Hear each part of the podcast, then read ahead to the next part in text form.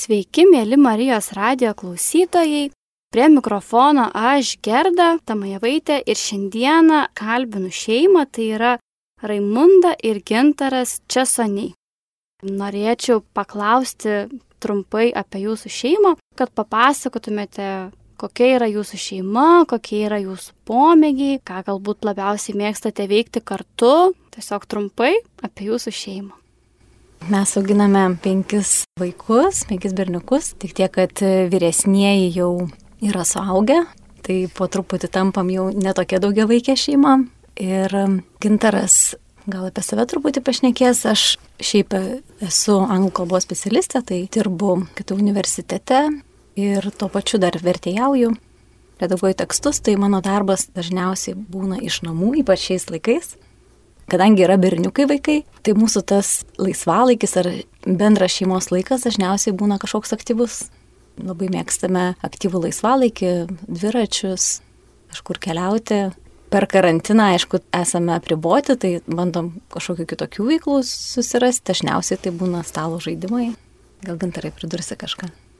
Svarbu mums pasakyti, kad esame jau per 20 metų santokoje, tai tas mums e, turbūt labai svarbus visas laikas, kurį išgyvenom kartu ir dabar toliau turbūt tą tą išgyvenam, augam kartu santokoj. O apie save, tai ką galėčiau pasakyti, esu pagal profesiją pomėgius fotografas, fotomenininkas, parodų kuratorius, knygų sudarytojas, dėstytojas. O kaip ir Raimunda minėjo, esu taip pat aistringas keliautojas, taip pat labai džiaugiuosi keliaudamas ypatingai su šeima ir savo vaikais. Ir gal dar vieną tokią svarbę mūsų šeimos ypač mūsų kaip sutoktinių veiklą, tai priklausoma Dievo motinos komandoms.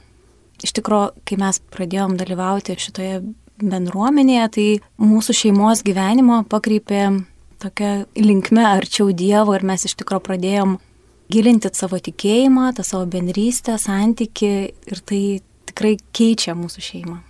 Iš tikrųjų labai džiugu girdėti, kad esate aktyvūs Marijos palaikytojai, norėčiau paklausti jūsų, kaip praleidžiate svarbiausias krikščionių šventes, tai yra būtent prisikelimo iškilmes. Kokios yra galbūt būtent jūsų šeimos tradicijos, kaip jūs paminite Kristus prisikelimo iškilmę? Kristaus prisikelimo šventę, šventas Velykas auginame kaip šventę turbūt savo irgi, nes ne taip pat švesdavome jas prieš 20 metų, prieš 10, prieš kelis metus, aš galvoju, mes vis stipriau ir stipriau tai išgyvenam. Išgyvenam visų pirma tą didžiąją savaitę, visą laukimą. Jau kelinti metai iš ties džiaugiamės kiekviena diena, kiekviena diena, kuri atneša kažkokį naują jausmą, naują išgyvenimą, naują kažkuria prasme pasiruošimą, pasiruošiame vis kitaip tai prisikėlimo šventėjai sekmadienį.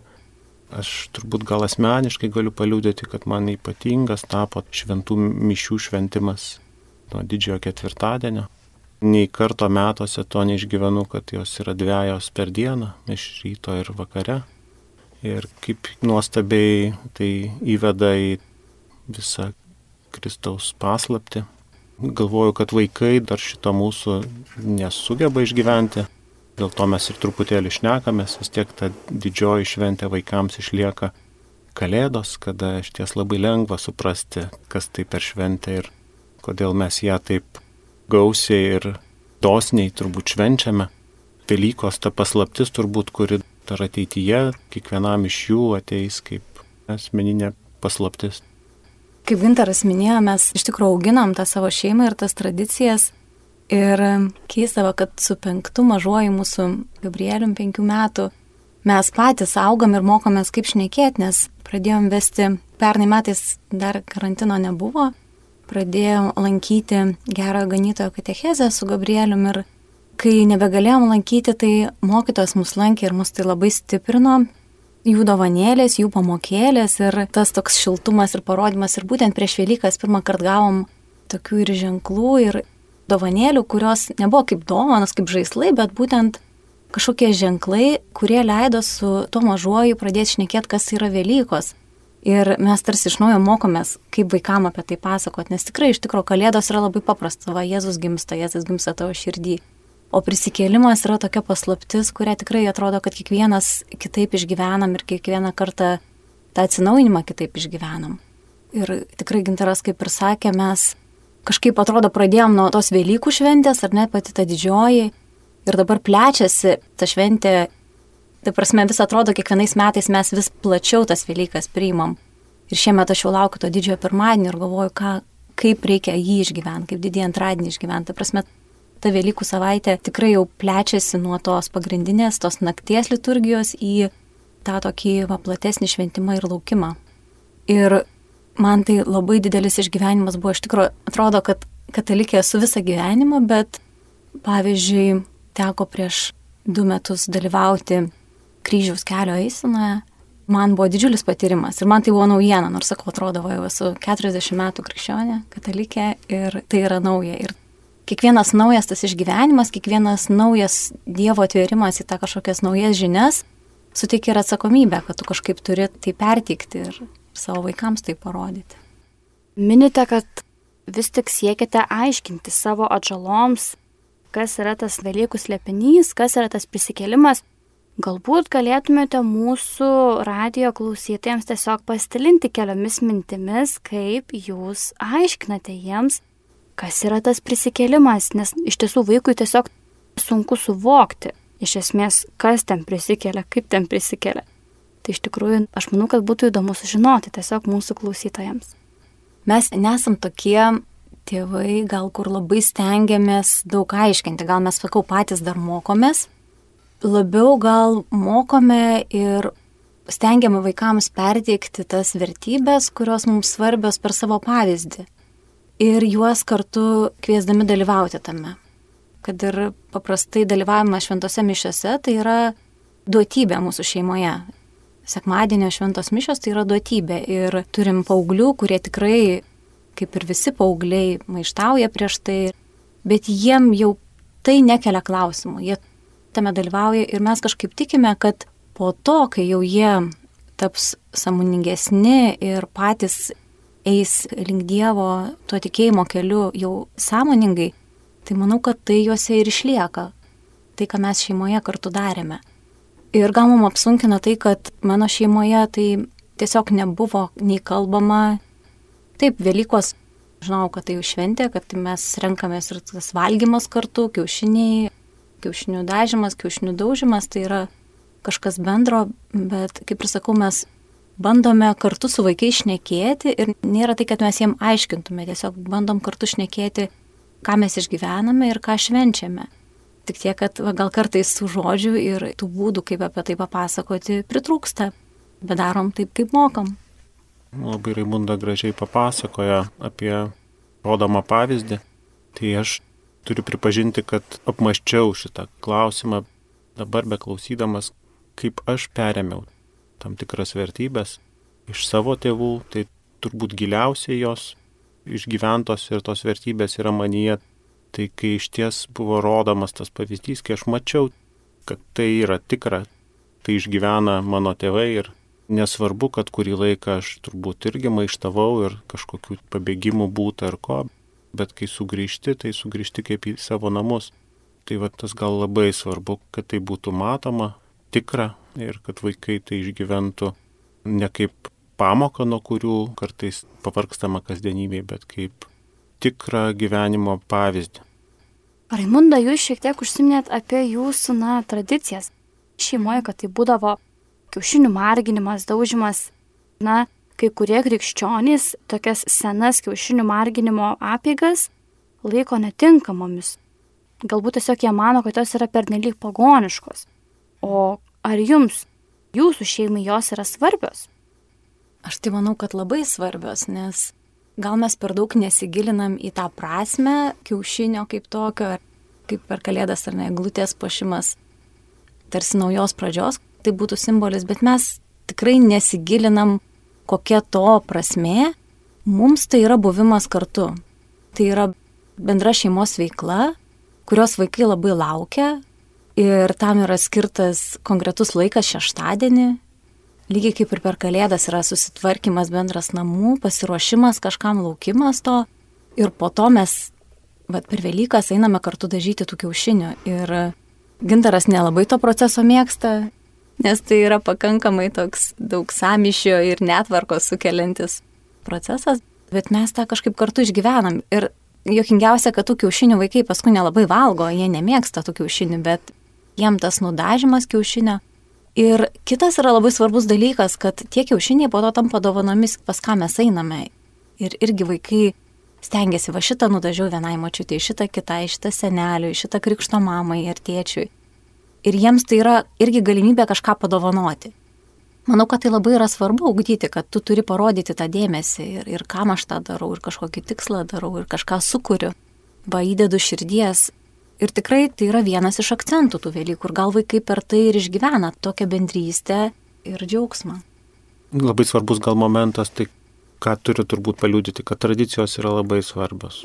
Svarbios mūsų patirties testinumui. Mes turbūt tokiu būdu gal irgi perdodam tam tikrus ir įgūdžius, ir patyrimus iš kartos į kartą. Čia turbūt taip kaip ir kitos tradicijos, kurias puoselėjam ir auginam, tai ši irgi turi kažkokią turbūt prasme ir čia tik tais klausimas, kaip mes sudėliojam tos akcentus. Tai iš ties, taip kaip ir eglutės puošimas, taip ir Velykinių kiaušinių dažymas yra tam tikras ženklas, laukimo ženklas, tam tikras dėmesio parodimas ir paskui didžiąją savaitę ir savaitę po Velykų mes iš ties džiaugiamės tais gražiai numargintais kiekvieno kiaušiniais ir turbūt galima paliudyti, kad e, to pasididžiavimo vaikų akise daug, kaip jie džiaugiasi ir sutinka noriai parodyti ir pasidžiaugti su svečiais, su artimaisiais, su močiutėmis ir proseneliais. Pakalbėkime šiek tiek apie vadinamasias vaikų velikėlės. Arba kitaip tai yra vadinama gailestingumo sekmadienis, atvelikis. Kokiu prisiminimu turite jūs patys apie šią iškilmę, galbūt kai buvote vaikai, galbūt kai buvote, na jau augesni šiek tiek, o kaip dabar tas vaikų velikėlės paminite? Mes iš tikro kažkaip vas su gintaru pakalbėjome, kad, kad nelabai mes jų paminim. Tai va tokia kaip ir gėda, tarsi vėl noras kažką daugiau sužinot, kaip mes galim paminėti. Kadangi mano tėvai išsiskyrė ir mes Velyką švenčiame su viena šeima ir tarsi nesinori bėgimo iš vienų namų į kitus, bet norisi visus aplankyti, tai mes tarsi išskirstom ir atvelykis arba tos vėlikėlės, tai yra ėjimas pas mano tėtį, pas vaikų senelį ir ten visą laiką yra ridenami kiaušiniai, jeigu mes pas save nesorganizuojam to, tai senelis visuomet jau yra parengęs didžiulį dekį su tuo loveliu, kur jie gali rident kiaušinius ir jis pats mielai su jais ridena. Tai manau, kad gal tik tokia tradicija, bet kaip sakau, mums tas tikėjimo kelias ir tas pažinimas to mūsų tikėjimo nuolat vis kažką atskleidžia ir nuolat kviečia į naują žingsnį. Tai vat, gal šiais metais mus kviečia labiau pasigilinti, kas tai yra tos vėlikėlės ir ką mes galim dar padaryti daugiau. Ramunda tikrai atliepia mano mintis, aš taip pat pagalvojau, kad su dėkingumu į šitą klausimą žiūriu ir aš bandau apmastyti ir kokie iš tikrųjų šitų mažųjų vėlikėlių esmė, tai turbūt, kad prisiminti turbūt Tomą, kuris tiek laiko laukia, kad patikėtų, tai su tais, kurie pavėluotai įtikė ar supranta, tai turėtumėm turbūt pakartotinai išvesti, pakartotinai išgyventi, kartu išgyventi. Aš dar prisiminiau turbūt irgi iš vaikystės tokį prisiminimą, kad mano mama atvilkio sekmadienį parneždavo iš turgaus šviežių kiaušinių, juos vašku numargindavo man matant ir mes juos skanaudavom. Galvoju, dėl ko tai ir iš tikrųjų tai turėjo panašu į tai prasme, tai mes turim turbūt irgi šitą dalyką pabandyti išgyventi ir e, įprasminti turbūt irgi savo gyvenime ir savo vaikams irgi perduoti tam tikrą žinią. Savaitė po Velykų yra vadinama Dievo gailestingumo savaitė. Norėčiau paklausti, ką jums kaip šeimai tai reiškia apskritai. Tai vėlgi ta savaitė po Velykų, kai turi vaikų, kuriems tai yra atostogos, tai yra buvimas su šeima. Ta gailestingumo savaitė, tai mums tokia yra gal atsipalaidavimo savaitė. mes tikrai labai daug kažką kartu veikiam, kartu būnam. Ir gal tiesiog va tas buvimas kartu ir matymas kito žmogaus ir yra gailestingumas.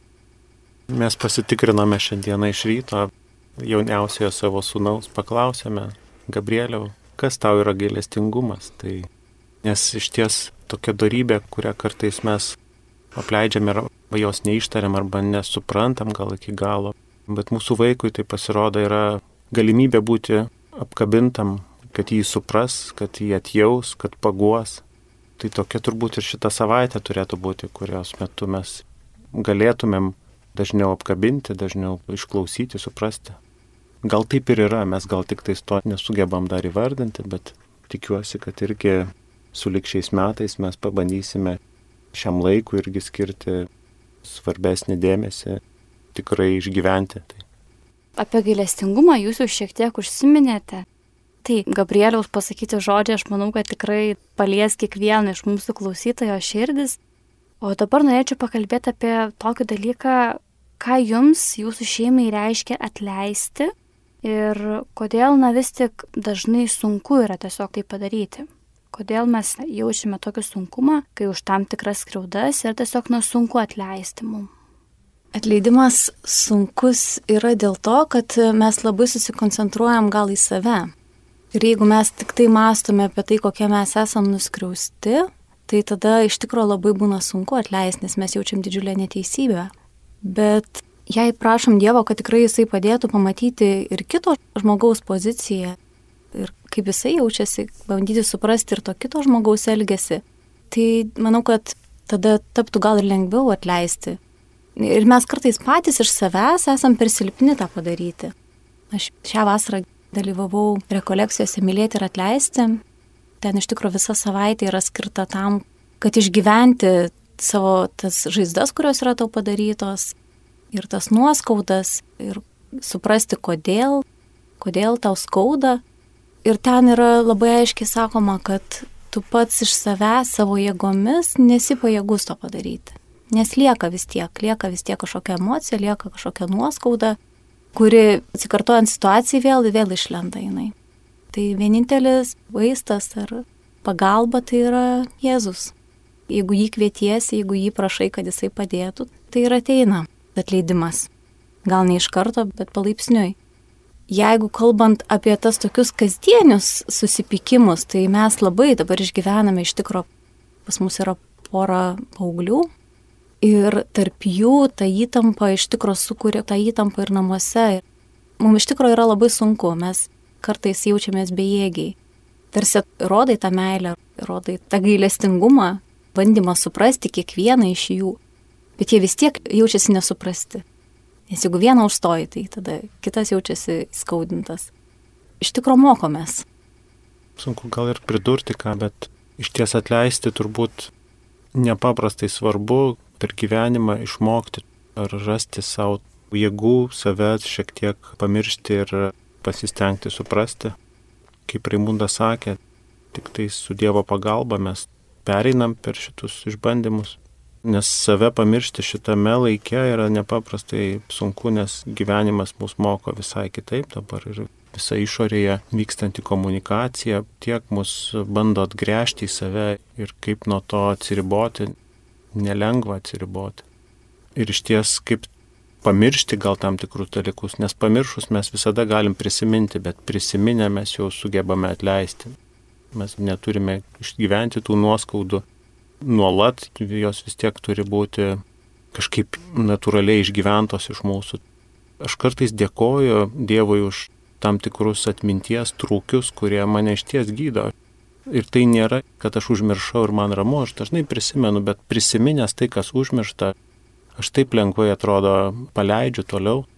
Tai aš galvoju, kad kiekvienam iš mūsų yra turbūt duotas irgi tas savitas kelias atleisti, bet daugeliu atveju vis tiek, arba turbūt visais atvejais, mes tai patiriame kartu su Dievu. Šiek tiek užsiminėte apie savo paauglius vaikus. Gyvenam tokiam technologijų pasaulyje, kai viskas labai greitai vystosi. Medijos iš tikrųjų visos, kaip ir sakė Gintaras, formuoja tam tikrą įvaizdį žmogaus. kad galbūt turėtume žiūrėti taip, kaip mum geriau, taip, kaip mum patiems geriau, bet ne kitiems. Tiesiog jaunimas, paaugliai, jie labai greitai susigaudo, kaip ten kas vyksta, o neretai, na, šiek tiek vyresni žmonės lieka nuo šaliau. Kaip yra jūsų šeimoje? Ar dėl to nekyla konfliktų tam tikrų nesutarimų? Ar galbūt atskirties tokios dėl to tiesiog, ką sako technologijos, kaip viskas vystosi?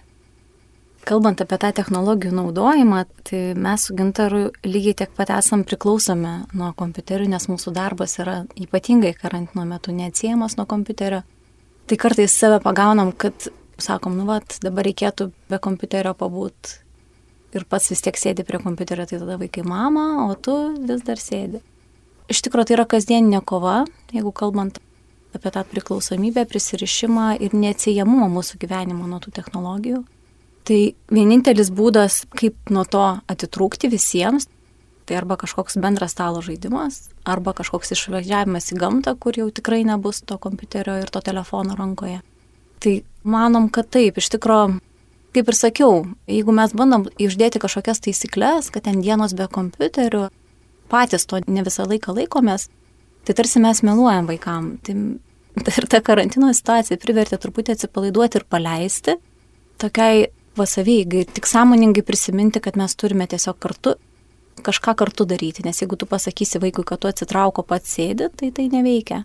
O dėl to požiūrio, tai vėlgi, kažkaip dabartinės va visos tos diskusijos ir tas situacijos kartais priverčia pagalvoti, kad gal mes per mažai su vaikais diskutuojam apie tai, kas vyksta, apie tą šio laikinio jaunimo vyraujančias požiūrius ir kaip bandom, ypač va su 19 mečiu savo tokiu vyresniu, bandau paklausti, tarsi nelabai ir leidžiasi į tą, tarsi jie turi savo bendruomenę, savo grupelę draugų, su kuriais tai aptarė ir su tėvais gal ne visą laiką norisi apie tos dalykus šnekėti. Aš vėl grįžtu prie to auklėjimo per pavyzdį, man atrodo, kažkada, kai buvom jauni tėvai, tai labai bandėm visai mokyti, kažką sakyti, bet kuo toliau, tuo labiau supranti, kad tai neveikia, žodžiai neveikia kad tu turi savo veiksmų kažkokiu rodyti. Tai aš manau, kad tiesiog, jeigu mes su gintaru sėdim kartu kalbamės dviese, kad ir dviese, ir žinom, kad vaikai visą laiką viską girdi, tai aš manau, kad per tas mūsų kalbas, per tą mūsų požiūrio išsakymą, kokį mes turime požiūrį, gal kažkokią sėklą pasiem ir savo vaikuose. Ir aišku, kad jiems kils noras ir maištauti, ir žinau, kad jie turės savo požiūrį, bet žinodami mūsų požiūrį, jie gal į tai galės atsigręžti ir atsiremti. Aš manau, kad technologijos nepaprastai sumaniai išnaudoja visas mūsų gyvenime atsiradusias tuštumas. Ne tik tais jas užpildo iki sklidinas, bet dar ir turbūt ištumia ir kitam tikrus mūsų prieš tai turėtus įgūdžius ar pomėgius. Ir kaip prieš tai, ką nors prieš pastatyti, net sunku sugalvoti, nes mes turim suprasti, kokio mastelio investicija tai yra ir kiek investuojama į tai, kad kaip tik tą dėmesį paimti įmanomai visą ir nepaleisti. Turim galvoti apie alternatyvas, kaip Raimunda labai gražiai pasakė, turim galvoti, kaip užpildyti tas tuštumas kitais pomėgiais, kitais potyriais, čia turbūt irgi bus viso gyvenimo kova, jinai turbūt nesilpnės, bet tik stiprės. Tai mes turbūt e, tą suprantam, kažkokių alternatyvų ieškam, bandam, turbūt lengva mūšyje nebus ir gal laimėti ir nepavyks, bet turbūt turime ieškoti tos priežasties nežaisti, o nedrausti. Pakalbėkim šiek tiek apie tai, kokie yra paskelbti šie metai na, vis tik neseniai prasidėjo šeimos metai, tęsiasi Juozapo metai. Ką jums, na, kaip šeimai, kaip sutoktiniams tai reiškia? Šeima apskritai mums yra didžiulė vertybė ir ypatingai tą suvokiame dabartiniam kontekste, šio viso žiemos ir pavasario visų tų diskusijų ir tų audrų ir tų tokių visokių kaltinimų kontekste. Mes ypatingai stipriai išgyvename, kad šeima mums yra vertybė. Šiais metais mes esam su Gintaru savo Dievo motinos komandai atsakingi ir paskelbus iniciatyvą Malda už šeimą, kilo didžiulis noras melstis kartu su savo komanda ir pradėjo nuo tikriausiai nuo trijų karalių, ar ne, buvo pradėta ta iniciatyva. Mes kiekvieną vakarą 8 val. meldėmės su šeima ir turėjo tai pasibaigti su vasario 16, bet nepasibaigė, mes vis dar meldžiamės, nes tai mus stiprina, tai tapo dienos tokiu viena iš neatskiriamų detalių. Ir labai įdomu, kad vaikai, jie nesimeldžia, nes mes ten renkamės kaip ir tėvai. Dievo motinos komandos tai yra poros, tėtis ir mama. Vaikai tame tarsi nedalyvauja, bet e, buvo tokių vakarų, kai mes kažkaip atsipalaidavę ten ar filmą kažkokį žiūrim ar kažką ir tik vaikai sako, mama, o jums nereikia įti melstis? Ir toksai, kad jie tame dalyvauja, tai man tas yra labai svarbu, nes mes kartais nuskaudžiai išgyvenam, kad mums ne visada pavyksta turėti tą šeimos maldą, kuri turėtų būti tarsi toks jungiantis dalykas, Bet per tai Dievas leidžia suprasti, kad jis veikia. Veikia ir vaikus, ir jie mato tą, ir tame dalyvauja, nors ir nebūdami fiziškai šalia. Ir iš tiesų aš manau, kad vaikams ta šeima irgi bus vertybė. Tiesiog vėlgi per mūsų pavyzdį, per tai, kaip mums tai yra svarbu, jie iš to mokosi. Prisidedu prie Raimundos liudijimų ir aš sakau, kad tikrai mums šeima yra vieta, kur mes patys užaugome, patys augome ir auginame dar vieną kartą. Tai vieta, kur mes patys save pažįstame, atrandame savo silpnumus, juos bandome gydyti, bandome atrasti kažkokios stiprybės. Mums šeima yra iš ties tam tikėjime ir, ir toje bendrystėje su Dievu.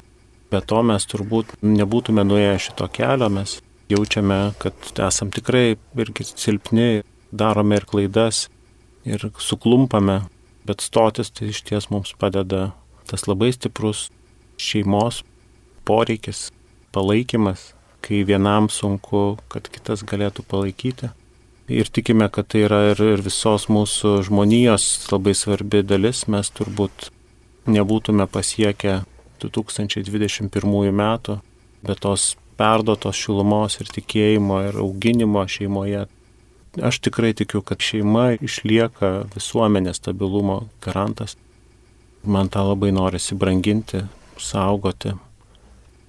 Popiežius Pranciškus norėjo, kad šiemet būtų minimi ir ekologiniam atsivertimui skirti metai. Ką apskritai apie tai manote?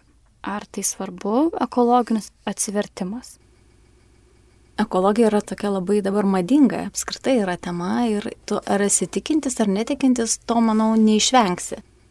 Ir tai iš tikrųjų padeda, nes tam tikrose srityse tai pasaulis sako vieną, tikėjimas tave veda kitur. Tai yra tas susipriešinimas ir vidinės toks konfliktas kartais kyla. O šitoj srity tai manau, kad visa aplinka padeda. Tai aš pati asmeniškai tikrai stengiuosi samoningėti tame. Iš tikrųjų tai yra labai sunku, nes vėlgi visa aplinka, visa reklama, visas tos medijos verčia tave vartoti, kažkaip atsinaujinti vis.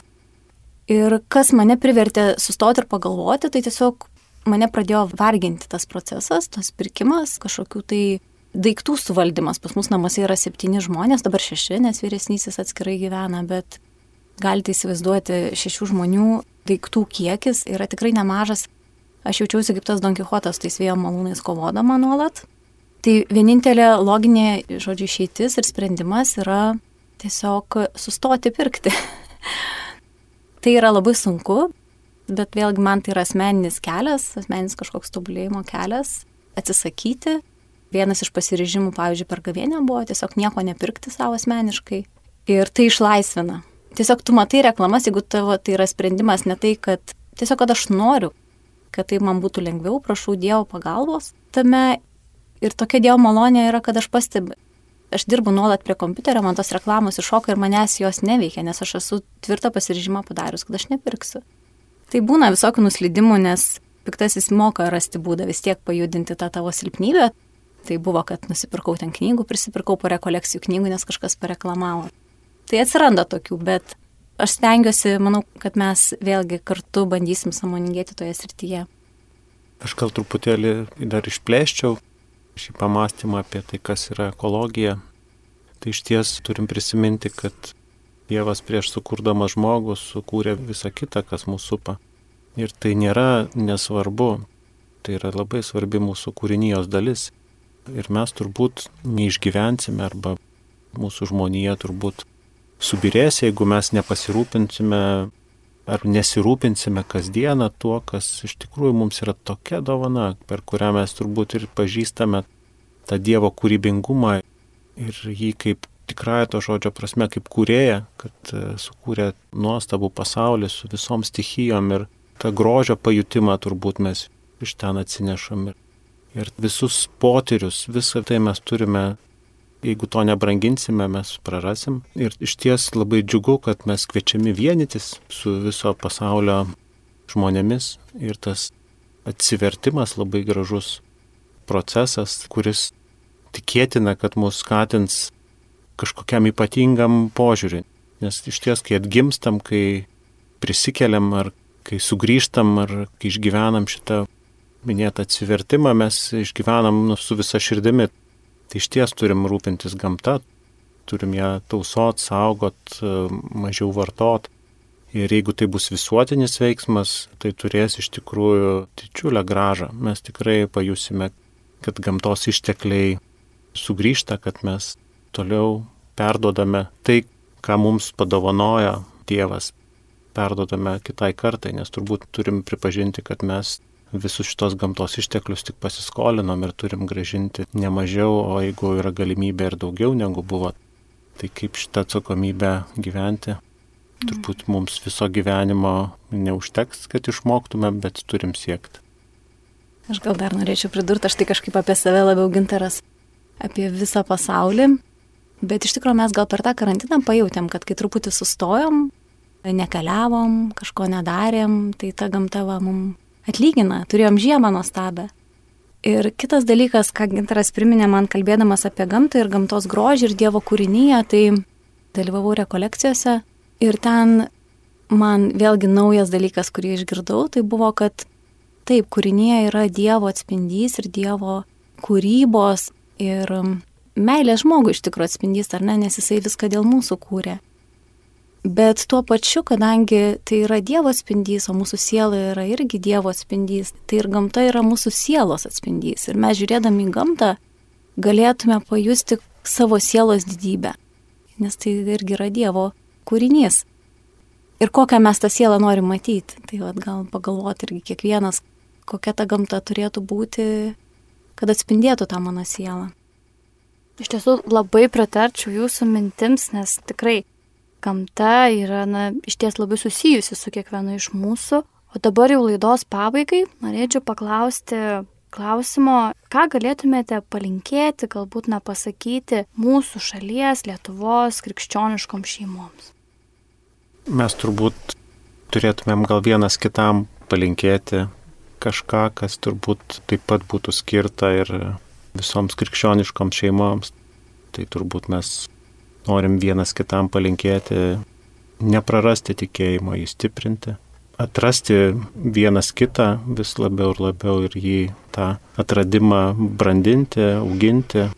Ir gal minėta Raimundos nekarta šiandieną tą pavyzdį, kuriuo turbūt vaikai labiausiai yra auginami, tą vat, pavyzdį bandyti formuoti. Gal mes nesam tokie, kad kažką galėtume visiems linkėti, nes kiekviena šeima gali savo palinkėti, ko jiems labiausiai reikia. Tai mums iš tikro, ką mes per Dievo motinos komandas atrandam ir naujai išgyvenam ir vis stipriau išgyvenam, tai yra, kad mes kaip vyras ir žmona turim vienas kitam būti svarbiausi šeimoje. Ir Dievas pirmoje vietoje ir mes šalia vienas kitam. Nuo to viskas paskui, kaip sakant, eina tik į gerą. Tai atrasti laiko vienas kitam, atrasti laiko pokalbiui, atrasti laiko pasidalinimui, kuo gyveni, atrasti laiko pakalbėti, koks yra mano santykis su Dievu, su savimi, su kitais žmonėm. Ir mes iš tikrųjų dabar atradę tą pokalbį vėl iš naujo, vyro ir žmonos pokalbį, tai džiaugiamės tą tiesiog tokia atsinaujinusią, man atrodo, mūsų šeimos bendrystę. Tai iš tiesų labai dėkoju Jums už pokalbį. Klausytojams dar kartą primenu, kad e, laidoje dalyvavau aš Gerta Tamajavaitė ir kalbinau Raimundą ir Gintarą Česonius, o su jumis, mėlyjeji radio klausytojai, jau norėsime atsisveikinti su Die. Su Dievu. Su Die.